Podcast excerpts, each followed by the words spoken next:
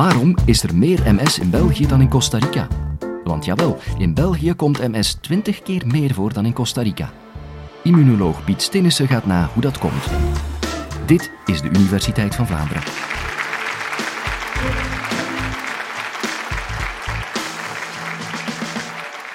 MS of multiple sclerose is een ziekte die in België voorkomt bij ongeveer 1 op 1000 personen. In Costa Rica komt MS 20 keer minder voor. Op deze wereldkaart zijn de landen waar MS meer voorkomt ingekleurd in het donker, donkerrood. En het valt op dat MS meer voorkomt in Europa, de Verenigde Staten en Canada. Veel minder in Centraal-Amerika, zoals Costa Rica, en ook minder in Afrika en Azië. Hoe komt dat nu?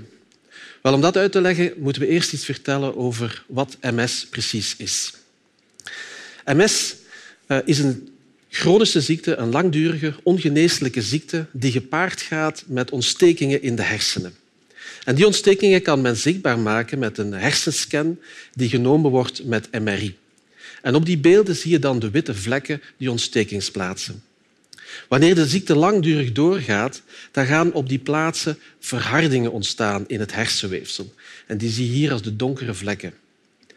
En dat verklaart ook een beetje de naam van de ziekte, want we hebben multiple, meerdere, verharde letsels en dat noemen we sclerotische letsels. Vandaar multiple sclerose. Nu, als we verder zouden inzoomen op die letsels, dan stellen we vast dat op die plaatsen het myeline wordt beschadigd. Wat is myeline?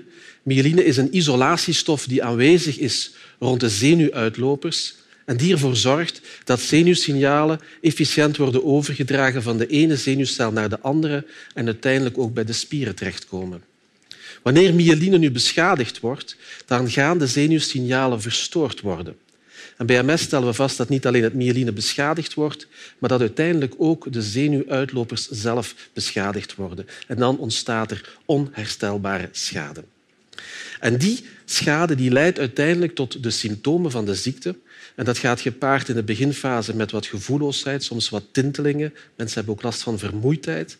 En na verloop van tijd gaat er ook spierzwakte ontstaan en gaan mensen last krijgen met het stappen en uh, verdere verlammingsverschijnselen krijgen die natuurlijk een grote impact hebben op het leven van de patiënt. De ziekte treedt meestal op op volwassen leeftijd, tussen 20 en 50 jaar, komt ook meer voor bij vrouwen dan bij mannen.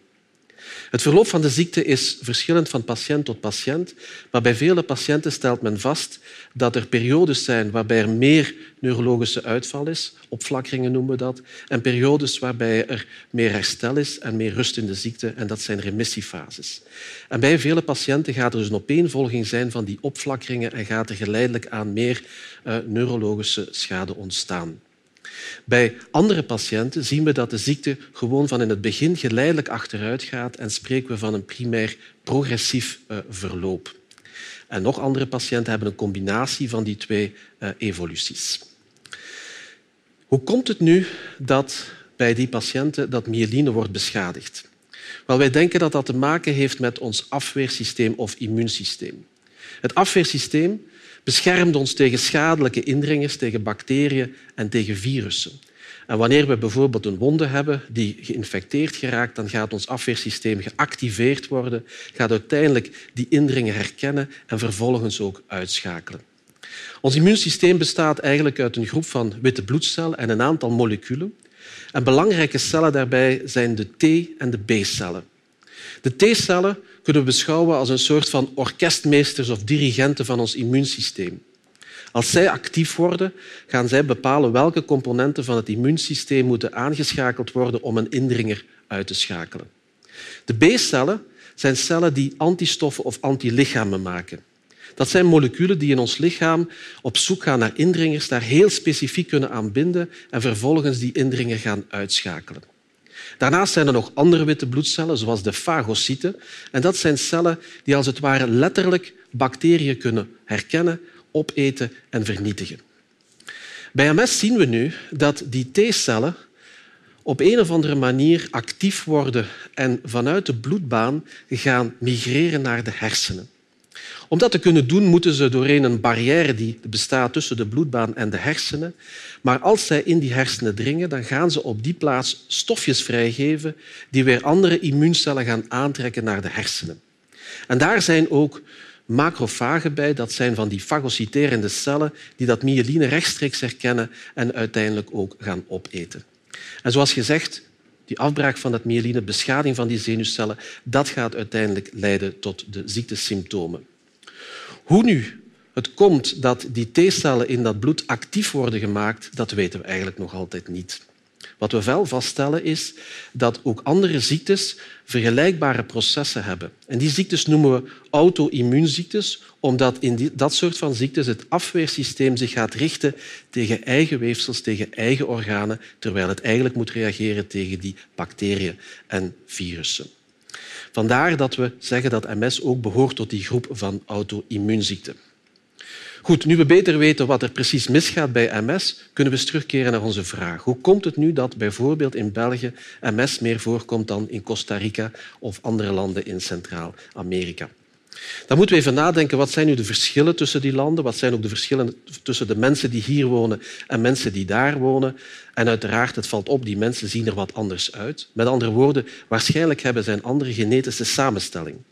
En de vraag die we ons kunnen stellen is in welke mate gaan genetische factoren bijdragen aan de ontwikkeling van MS. MS is zeker geen klassieke erfelijke ziekte. Meestal komen de patiënten als enige voor in een familie. Maar als iemand een broer of zus heeft met MS, dan stellen we toch vast dat die kans verhoogd is. Ik heb u daar straks gezegd, de kans is normaal 1 op 1000, maar als je een broer of MS hebt, dan wordt dat 1 op 100. Als je een een-eigen tweelingzus of broer hebt met MS, met andere woorden met precies dezelfde genen, dan stellen we vast dat die kans verhoogt naar 1 op 3. En dat leert ons eigenlijk twee dingen. Ten eerste dat genen blijkbaar toch wel bijdragen aan een verhoogd risico. Maar zelfs als je dezelfde genen hebt, ga je de ziekte nog altijd niet ontwikkelen. Met andere woorden, er zijn nog andere factoren, we noemen dat omgevingsfactoren, die daarin een rol spelen. De afgelopen jaren hebben onderzoekers in kaart gebracht welke genetische factoren, welke stukjes DNA belangrijk zijn in de ziekte. En er zijn op dit moment meer dan 200 stukjes DNA bekend die op een of andere manier betrokken zijn bij de ziekte. Nu is het zo dat al die kleine stukjes maar een hele kleine bijdrage hebben in het ontstaan van de ziekte. Dus we kunnen die informatie nog niet gebruiken om bijvoorbeeld te gaan voorspellen wie wel of geen MS zal ontwikkelen. Maar het is wel interessant dat vele van die stukjes DNA die gekoppeld zijn aan het ontstaan van MS iets te maken hebben met ons immuunsysteem. En zo denken we dat sommige van die factoren misschien ertoe kunnen bijdragen dat immuuncellen bijvoorbeeld gemakkelijker actief worden. We hebben in ons laboratorium kunnen aantonen dat immuuncellen ook nog eens onder controle staan van andere T-cellen, regulerende T-cellen. En de balans tussen die actieve T-cellen die naar de hersenen gaan en dat myeline afbreken en die regulerende T-cellen die is blijkbaar verstoord bij MS, waardoor die regulerende T-cellen hun werk niet goed doen en cellen misschien gemakkelijker kunnen geactiveerd worden. Genen zouden dus zeker ergens een rol kunnen spelen, of genetica. Maar daarnaast heb ik gezegd dat heel wat omgevingsfactoren ook een rol kunnen spelen. Als we gaan kijken naar het klimaat in Costa Rica en in België, dan weten we dat Costa Rica een milder klimaat heeft, waar ook veel meer de zon schijnt. Gemiddeld anderhalf uur per dag meer zon hebben de mensen in Costa Rica. Nu zijn er aanwijzingen dat zonlicht ook een rol kan spelen. Want ook in Europa zien we dat MS meer voorkomt in Noord-Europa in vergelijking met Zuid-Europa. En ook dat zou kunnen gekoppeld worden aan de hoeveelheid zonlicht. Wat heeft zonlicht te maken met MS? Wel, zonlicht zorgt voor de productie van vitamine D in onze huid. En vitamine D is een molecule die heel veel belangrijke functies heeft, ook in het botmetabolisme, maar die ook een impact heeft op het immuunsysteem. Onderzoekers hebben aangetoond dat als er een verlaging is van de hoeveelheid vitamine D, dat dan blijkbaar daar op die plaats meer MS voorkomt. En vandaag gebeurden er studies waarbij men wil kijken in welke mate dat het toevoegen van extra vitamine D mogelijk een impact, een gunstige invloed zou kunnen hebben op de ziekte. Wat is er nog verschillend tussen Costa Rica en België? Wel, onze voedingsgewoontes zijn verschillend. Wij hebben een westers type van dieet, waarbij over het algemeen wat meer rood vlees wordt gegeten, meer verzadigde vetzuren, minder vezels en bijvoorbeeld ook wat meer zout in onze voeding aanwezig is. En al die factoren zouden ook een invloed kunnen hebben op het immuunsysteem. Onderzoekers van ons centrum hebben aangetoond dat als je te veel zout opneemt, dat die uh, een bijdrage kunnen leveren in het activeren van die T-cellen die naar de hersenen gaan. Dus ook daar zou een verband kunnen gelegd worden. Wat is er nog verschillend tussen onze landen? Wel, het zou kunnen dat de micro-organismen die aanwezig zijn op die twee plaatsen wat verschillend zijn. Ik heb u daar straks uitgelegd dat ons afweersysteem in feite gericht is op het uitschakelen van micro-organismen. Maar die wisselwerking tussen het afweersysteem en micro-organismen die gaat ook een stukje bepalen in welke richting ons immuunsysteem gaat evolueren. Onderzoekers hebben gezocht naar mogelijke virussen of bacteriën die rechtstreeks MS zouden kunnen veroorzaken, maar hebben dat niet gevonden. Dus we gaan ervan uit dat er niet een rechtstreeks verband is tussen een of ander virus of bacterie en MS. En MS is uiteraard zeker geen besmettelijke ziekte.